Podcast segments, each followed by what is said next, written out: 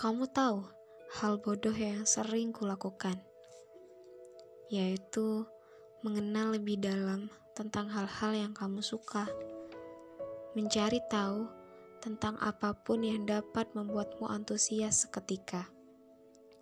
Mungkin ini salah satu usaha agar perbincangan denganmu menjadi lebih lama. Setidaknya untuk memanjakan perasaan, walau sekejap saja.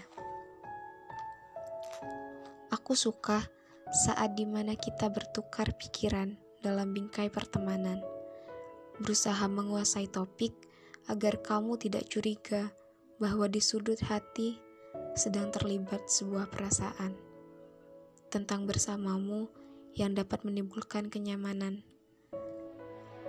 Aku selalu berharap meski kau tidak paham suara hatiku, namun bersamaku dapat membuatmu tenang dapat membuatmu merasakan bahwa akulah tempatmu pulang. Menjadi egois, menjadi tidak tulus. Bahkan, aku tidak pernah paham makna ketulusan dalam sebuah ketertarikan terhadap seseorang. Yang kupahami hanyalah tentang bagaimana membuatmu selalu tersenyum, bahkan tertawa lepas tanpa beban dan terbuka tentang segala hal yang menguatkan hingga melemahkan. Untukmu, aku bersedia belajar hal baru.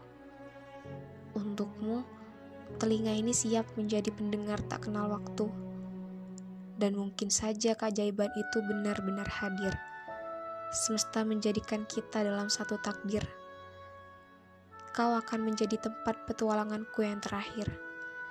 Karena bagaimanapun, ketika sebuah perasaan belum menemui si pemilik yang nyata, kita hanyalah tokoh-tokoh yang sama-sama mencari separuh tulang rusuk yang masih menjadi rahasia.